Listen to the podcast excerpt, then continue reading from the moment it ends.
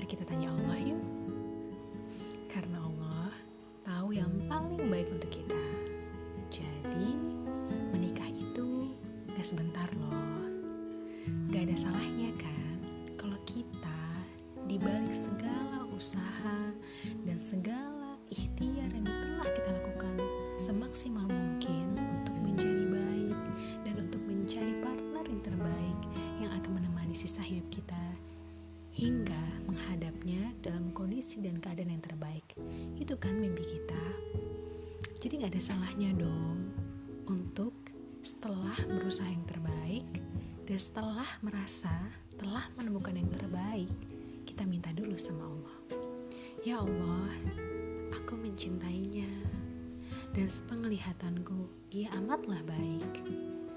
Ia adalah sosok yang sangat ideal seperti yang selama ini aku.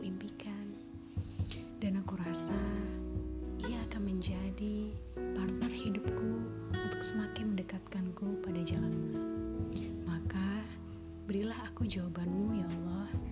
Berilah aku pengetahuan apakah seseorang yang menurutku adalah baik, benar-benar adalah seorang yang terbaik yang telah engkau kirimkan dan telah engkau takdirkan menjadi pendamping jawabannya.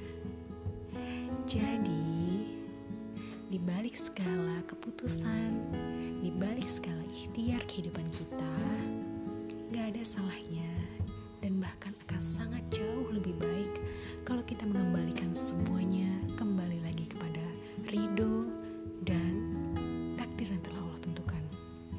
Tentu, siapa yang tahu kalau ternyata segala usaha kita bisa mengubah takdir.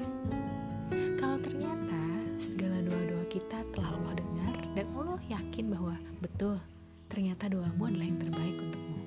Jadi siapa tahu, teruslah berusaha semaksimal mungkin.